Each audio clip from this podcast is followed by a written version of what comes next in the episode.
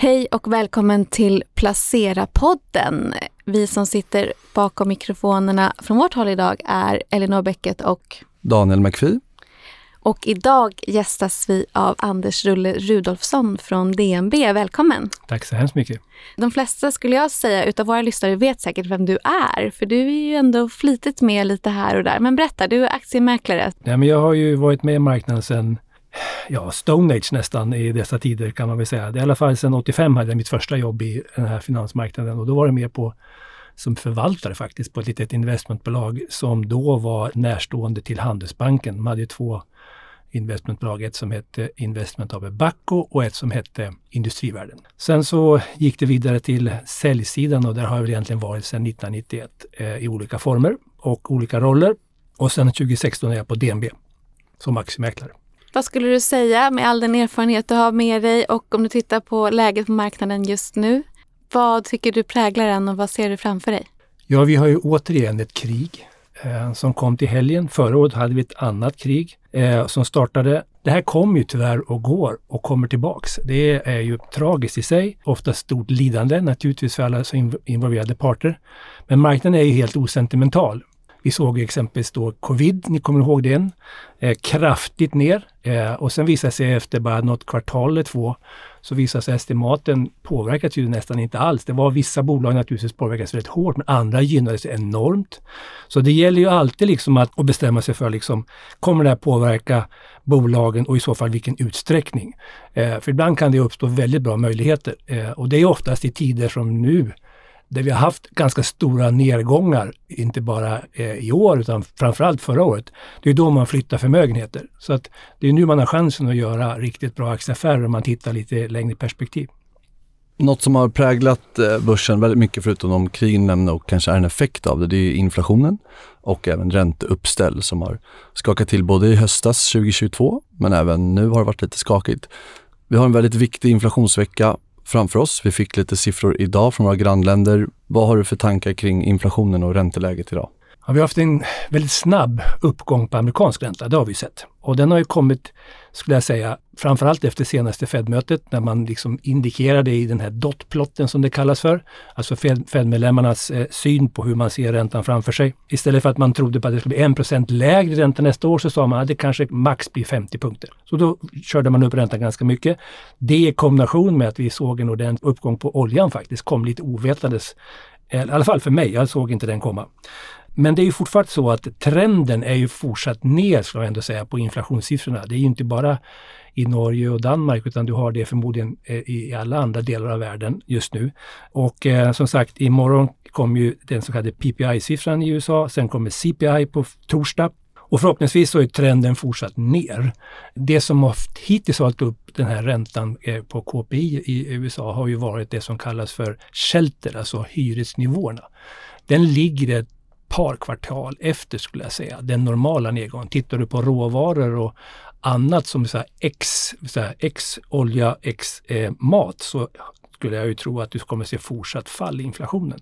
Och det borde vara positivt för aktiemarknaden i alla fall, så ser jag det. Och det här, eh, vi ser ju en väldigt positiv börs idag. Det, är det då våra grannländer, den inflationssiffran, eller vad, hur tolkar du de ja. rörelserna som vi ser? Det... Jag tror att eh, dels så kom det naturligtvis lite alltså, oförhappandes det här eh, uppgången, eller eh, kriget i helgen.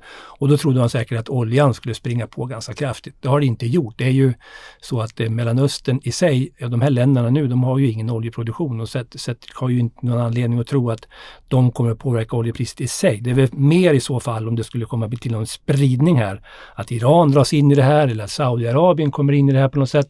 Då kan det få en ny effekt. Men jag tror det är lite så här att det är, okej, okay, blev det inte värre än så här? Buy the dip, ungefär det typen skulle jag säga att man, man ser på den här, på den, här, den här marknaden just nu.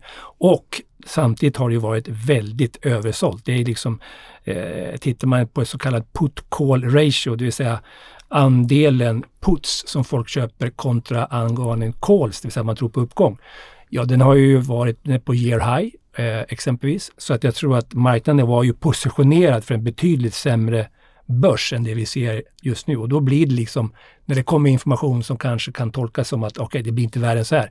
Ja, då går det matematik upp. Du vill dra en parallell till 1995? Ja, det finns ju liksom eh, man måste ibland, all, så historiken säger ju inte så speciellt mycket om hur framtiden ska se ut. Men det är alltid bra liksom att ta med sig den. Och vi har lite samma läge nu kring det där. Och jag, jag skulle, jag tycker det, ibland pratar man 60-tal, ibland pratar man 80-tal och allting liksom har en tendens liksom att ändå reverse to the mean brukar man säga.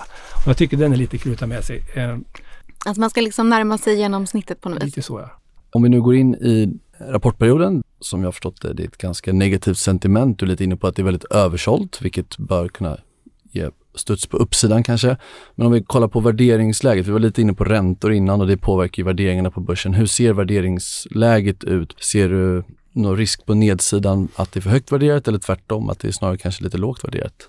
Ja, alltså bank är ju det är, det är en homerun. De, där kommer det inte komma några. Det är snarare kanske på uppsidan givet att det, det finns ju Kreditförlusterna är ju inte speciellt stora. Det kan komma enstaka, enstaka nedskrivningar, men i marginellt skulle jag tro. När det gäller verkstadsbolagen så är det ju fortfarande en del som har lite tuffa komps från Q3 förra året. Så det ska man ha koll på. Och det är klart, helt klart så att man kommer återigen titta mycket på eh, bukt och bild, det vill säga hur orderingången ser ut i förhållande till orderstocken. Det kommer att vara en springande punkt även det här kvartalet. Och där varierar det lite grann. Det är inte alla som ger orderingångssiffror så vi kommer inte se det. Men det kommer säkert komma i samband med kommentarerna. Eh, och jag skulle ändå säga att det finns ju en del som har betydligt eh, de har fortfarande starka orderböcker. Flera av de här som ABB och Autoliv har ju orderstockar som löper i flera år. Så att det, det handlar väl mer om liksom hur man i så fall kan hantera kommande orderingångar. Vi vet också att leveranskedjorna är betydligt bättre. Komponentbristen är ju mer eller mindre borta. Eh, råvarupriserna har kommit ner. Och hur det här spelar ut exakt, det är alltid svårt för det är liksom inte långa ledtider på det där. Och man får titta specifikt på varje bolag för att få den bästa uppfattningen. Vår uppfattning är väl kanske de bolag som är bäst positionerade just nu i alla fall. Så är det väl Autoliv och så är det Alfa Laval, bland de tunga verkstadsbolagen skulle jag säga, som sitter i, i bra position. Det vet ju alla å andra sidan. Eh, och backar man tillbaks kvartal så där så brukar det ju alltid vara lönsamt att sitta på dem som inte några förväntningar på. Och är det någon, någon aktie i verkstadsklustret som ingen just nu kanske riktigt eh, vågar tro på för SKF så skulle man göra en liten contrarian call så är det på SKF. Och eftersom att ingen vill äga det då, lite som du är inne på, är det så att värderingen är betydligt mycket lägre där då antar jag Alfa, de här ABB ja, som du nämnde? absolut. Och det brukar man också säga att när det gäller SKF så finns det historik som man kan ta med sig. Där första kvartalet där orderingången är negativ, det är då man köper SKF det så ska bli spännande att se om det här blir det kvartalet. Det var min nästa fråga, för det känns ju ändå liksom storindustri, cyklisk, lågkonjunktur. Eh, du räds inte en lågkonjunktur låter det som. Nej men alltså eh, det är precis som centralbankscheferna, de tittar på statistik som har varit. Aktiemarknaden tittar ju på hur det kommer att se ut om 6 9 månader, eller 9 till 12. Och gör man den förlängningen så kan vi konstatera att då kommer inflationen vara lägre, det vet vi. Och vi kommer också att se ganska enkla komps. Och jag skulle tro att vi har, säkert, vi har, vi har säkerligen lägre ränta. Så att i det perspektivet, vi är ju alltid forward looking och tittar du forward PE i USA har ju redan börjat vända upp exempelvis. Och eh, det intressanta är ju sista dagarna har ju faktiskt tech börjat performa bättre än value. Så jag vet inte om det är ett första steg någonting eller bara en kortsiktig korrektion men jag vet att det är många som är extremt oroliga men jag tror så att säga att det, aktiemarknaden kommer ändå att fortsätta vara forward looking och då tittar man in i 2024 så estimaten är inte i alla fall ner utan snarare upp nästa år. Och vi har ju eh, noterat att det inte är så många vinstvarningar än. Är det någonting som förvånar dig? Ja, det är det faktiskt. Jag tycker det är väldigt intressant. Eh, det är ju helt klart så, det hade man väl egentligen trott givet alla rubriker i tidningarna kring framförallt retail. Men eh, många av de här rapporterna som har ju kommit har ju visat sig vara lite bättre än man hade trott. Eh, Nike var ju en, ett, ett stort tungt bolag som, kom, bolag som kom förra veckan. I och för sig så var det ner men det var, alltså tittar du på konsumenten fortsätter hålla emot ganska så bra. Du skrev blir, en uh, liten Ja precis, den, precis som Rulle säger, det var ju ner, aktien var ju upp visserligen för den har gått rätt svagt innan rapporten. Men Nordamerika backade ju lite, om det var 2 men vinsten var ju betydligt bättre än Precis. väntat. Vilket gav så det verkar ju som att kanske de här eh, leveranskedjorna successivt håller på att förbättras även för de här stora bolagen naturligtvis. Och jag tyckte kanske den mest intressanta rapporten som har kommit i alla fall för oss svenskar så var det Clas Ohlson här för någon vecka sedan som fullständigt exploderade på uppsidan. Och vi har ett retailbolag på väg till börsen som vi hör med Ja, Rusta som verkar Rusta. vara ett ganska hett intresse. Ja, vi får se vad det landar. Det ska bli väldigt spännande att se. Eh, men ikväll kommer vi vad jag förstår LMVH med någon update. Den blir intressant att se. Alltså det ska bli väldigt spännande att se hur man tar emot det och framförallt kommunikationen eftersom det är mycket Kina-försäljning där. Och det hade ju också Nike, ska jag flika in med, Ja. att de hade lite utmaningar, att det gått lite trögare än väntat. Även om det växte så var det ändå så att man är lite besviken på hur Asien har öppnat än så länge. Ja, och det är väl, det, det, alltså det är, när man pratar med verkstadsbolagen nu så är det ju ändå intressant liksom att alla försöker ju nu att på något sätt hitta en dual sourcing, alltså hitta andra vägar in för sin produktion eh, och bli mindre beroende, på, eh, beroende av Kina eh, i någon form. Sen är det ju naturligtvis, Kina kommer fortsatt vara jättestor, det tar lång tid att ersätta, ersätta eh, den produktion man har där, men det är ju ett, så att pågående tema hur man ska lösa det här och det kommer ju vara ett tema under en lång period. Ehm, och eh, det här bolaget Note, alltså kontraktstillverkaren som ni vet, de skrev ju om det här lite grann och kommenterade på sin senaste kvartalsrapport att det här är någonting som har börjat och lär väl fortsätta länge.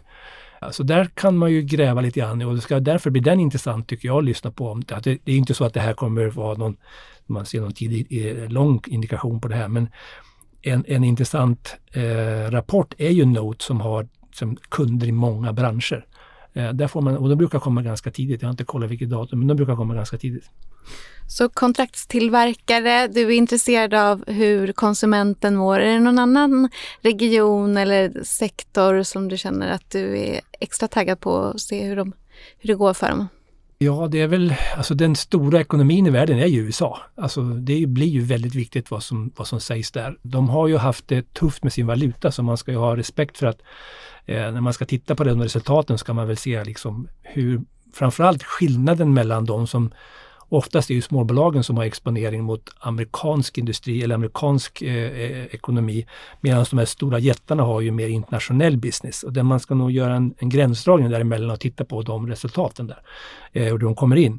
Men jag skriver ju som sagt mycket om USA och, och, i min värld är det ju så att det är ju det som ändå driver korrelationen med amerikansk börs och Sverige den är ju nästan hundraprocentig.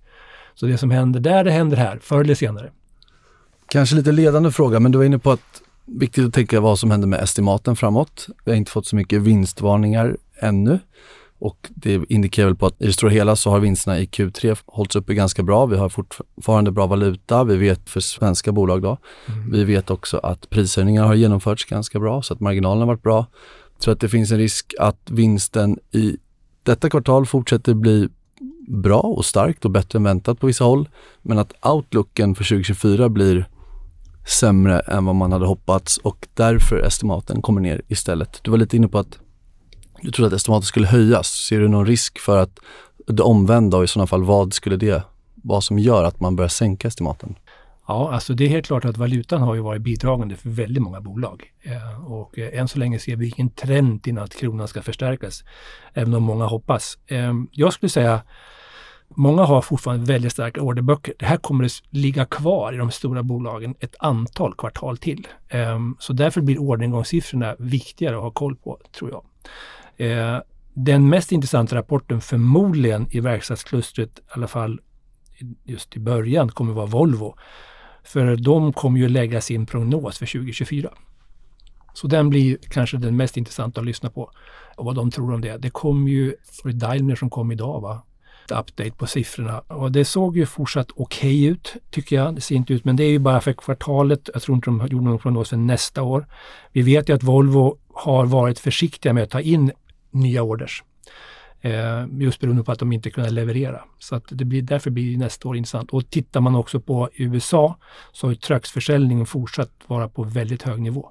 Så där man ser ingen signal där heller egentligen just nu på sämre marknad. Men som sagt, det kan ju gå fort på nedsidan om det riktigt darrar till och, och tittar man på USA generellt så är det ju väldigt tajt nu. Alltså financial conditions som man brukar prata om är ju genom räntehöjningen och amerikanska centralbanken gör ju återköp av sina, de säljer ju sina bonds, vilket gör att det är väldigt tajt just nu. Alltså, så det, det, det kommer att dras till för man vill ha ner inflationen. Så det är svårt, tycker jag, tolkat om vad ett antal kaféer framåt, hur det kommer att se ut i USA. Men just nu ser det väl ändå ut som att man har koll på läget. Och jag antar nu syftet till Volvo, som du pratade om tidigare, att de här stora jättarna säger egentligen någonting om underleverantörerna också och sentimentet där. Är det samma analys eller upplever du att det är en stor skillnad i underleverantörer eller andra lite mindre bolag på orderingång och jag tycker själv att man har sett att orderingången på sina håll börjar vika, delvis av naturliga skäl att de blir mindre för leveranstiderna blir bättre. Men tycker att det är en stor mm. diskrepans där eller följer det hela kedjan på något sätt? Klurig fråga. Ja, och den är ju relevant naturligtvis och riktig. Jag tycker att det är väldigt beroende på var man finns i, i leveranskedjan själv. Alltså du hade ju Incap, kom ju där, finska kontraktsverkaren kom ju i rapport här. Och de fortsätter ha problem. Det var ju en ordentlig nedskrivning. De, hade ju då, de varnade ju för Q2-rapporten och aktien var ner 20% och sen varnade de nu i veckan igen. Det är en av de få vinstvarningarna vi har sett. Då. Ja, precis ja. Och, och, men det var ju just mot en kund. Mm. Eh, som gör solceller tror jag de har. Så här. Och, eh, därför jag menar att det är inte självklart att har du en ganska bred portfölj av bolag så kanske det inte är, inte med kunder så kanske du inte drabbas så hårt. Men det kommer att vara fortsatta, det säger ju en del bolag också, att det är leveransproblem i vissa delar. Men eh, det är svårt tycker jag att hitta någon nu som verkligen skulle säga varken plus eller minus som jag kommer på right now. Det låter som att du är ganska övertygad ändå om att estimaten inte kommer drastiskt förändras neråt i alla fall. Nej, och vi går ju, alltså, ja, ni vet ju, alltså aktiemarknaden är ju vintersport. Så menar, det brukar ju alltid vara, hade man, alltså, om man hade följt det här naturliga säsongsmönstret som det är på börsen slaviskt i år, då hade man kunnat liksom tagit den positionen första januari. Sen kunde man ha tagit just nu då 10,5 månaders semester. För det hade ju varit perfekt att veta om när man skulle sälja. Man kunde ha använt det här Fear and Greed Index. Köpa när det var riktigt ner på 20, sälja när det var uppe på 80. Så att egentligen har det inte varit ett svårt år om man tittar på historiken. Men vi har varit med om många olika typer av händelser som alltid är svårt att utvärdera när man sitter med dem. Men det inte varit någon skillnad egentligen. Där börsen i USA är upp 8-9 procent någonstans. Det brukar den vara. Och sen kommer en bra avslutning och jag, jag, det finns väl ingen som säger att det inte kommer det i år igen.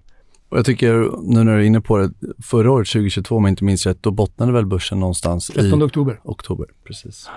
Så att det, det var väl, om jag minns rätt då, du får rätta mig om jag har fel, men att man pratade ganska mycket om samma saker. Man pratade om lågkonjunktur, inflation, räntor, investeringsklimatet. Ja, det är precis så. Historiken har rätt. Mm. ja. Men någonting annat som ju eh, brukar vara väldigt positivt och som du har en spaning kring, det är återköp. Mm.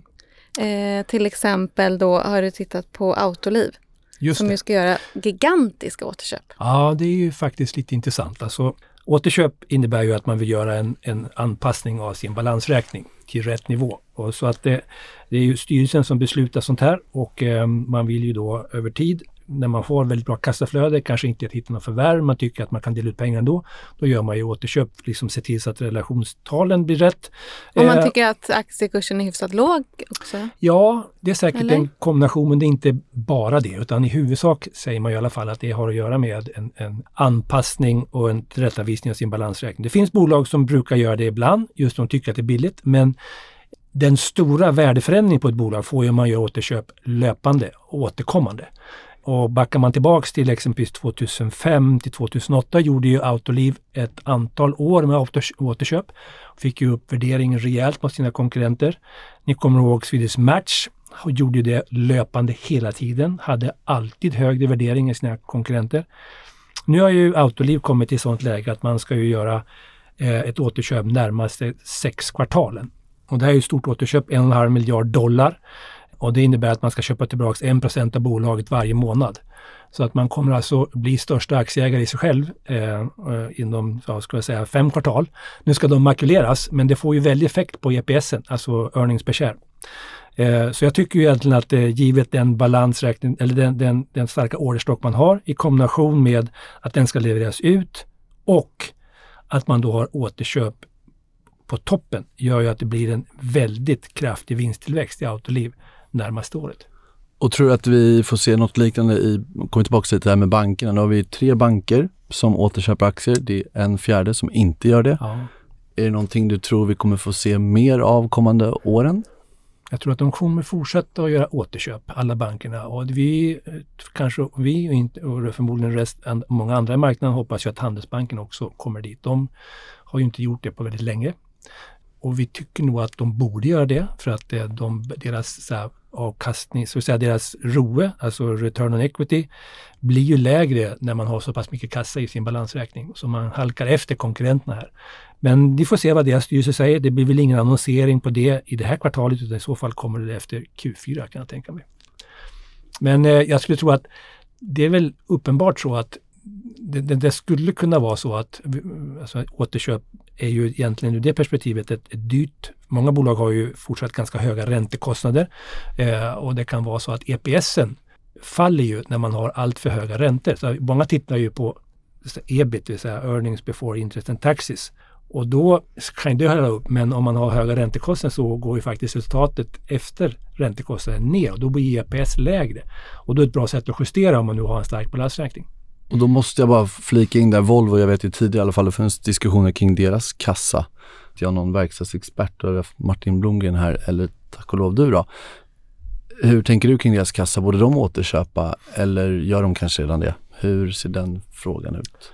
Ja, de gör ju inte det. Man har ju sagt att de kunde ha en stark utdelning som man kommer att ha då förmodligen ett antal år framåt. Det som är utmaningen för dem är väl just den där omställningen som man nu gör till Eh, alltså göra batteri i princip alla sina lastvagnar över tid. Och det är ju en jätte, jättestor investering man ska göra. Så jag får vi se, vi får en ny ordförande här vid bolagsstämman om man har en annan syn på det. De har ju möjlighet att göra återköp.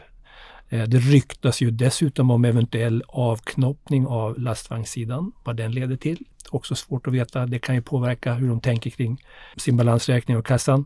Men de skulle kunna ha råd, ja. Vad, vad gillar du Volvo då? Ja, men det är ju det bolaget som kanske värderas lägst just nu av verkstadsbolagen. Brukar inte alltid göra det? Ja, och tar man just historiken så ska man inte köpa ett cykliskt bolag på låga multiplar, det ska man köpa på höga multiplar. Och Volvo ligger ju på 7-8 gånger bara. Och men det innebär ju också att marknaden kanske inte riktigt tror på att 2024 ska bli ett speciellt bra år. Så att eh, ja, men jag tycker det är ju givet den balansräkning man har, den position man har, så bolag absolut man, kan, man ska äga. Jag måste bara fråga här med räntorna. Du var inne på det innan att EPSen och hur räntebetalningarna faktiskt slår på EPSen. Mm. Är det emissionsrisk kanske man inte behöver ta det så långt, men är det några specifika bolag där du ser att du tycker skuldsättningen har dragit iväg lite för mycket? Där du känner att här i de här rapporterna kommer jag verkligen kolla på finansnettot eller hur skuldsidan utvecklas? Ja, det som kommer on top of my mind direkt så är det Electrolux som bara för två år sedan sa att nu skulle vi göra gigantiska återköp. Och sen så helt plötsligt så gick ju marknaden helt fel för dem tyvärr i covid så att det blev ju en väldig utmaning så nettoskulden rusade ju där i några år. Så där kommer ju naturligtvis att se kraftigt ökade räntekostnader. De har ju en nettoskuld nu på, på 30 miljarder tror jag. Å andra sidan, det finns ju alltid en andra sidan på myntet, så är det ju så att då har man ju alldeles nyligen gått ut och sagt att nej, det här är ju naturligtvis inte bra. Vi måste åtgärda det här. Och vi kommer att sälja, se över våra struktur, vi kommer att sälja bolag. Vi har en teori om att man skulle kunna sälja den amerikanska verksamheten. Kursen idag på Lux ligger väl på 115, jag kan inte exakt, men ungefär. Den amerikanska verksamheten ser vi som ett värde någonstans mellan 80 och 100 kronor per aktie. Då skulle man lösa det där overnight, om man gjorde det. Det har ju också diskuterats bud som ni vet från kineser. Det skulle kunna vara möjligt för ett kinesiskt bolag att köpa den amerikanska verksamheten men kanske inte köpa Electrolux som sådant. Vi får se vad det händer. Men alltså bolaget Electrolux kommer ju vi se förmodligen ett antal så här, försäljningar ifrån för att dra ner sin nettoskuld som i sin tur skulle kunna vara intressant eh, i ett aktieperspektiv och en lite av en bubblare för 2024 skulle jag säga. Utifrån om du tittar på bankerna, du fick välja en bank då inför den här rapportperioden, vilken väljer du då? Oh. Eh, men då väljer jag nog faktiskt eh, Handelsbanken. Sen får vi inte glömma bort att det är ju faktiskt så att en intressant trigger kan ju komma i Swedbank. Nu är det ju nu snart, ja hur många år är det nu då? Fem år sedan man fick den här utredningen från amerikanska myndigheterna på Baltikum.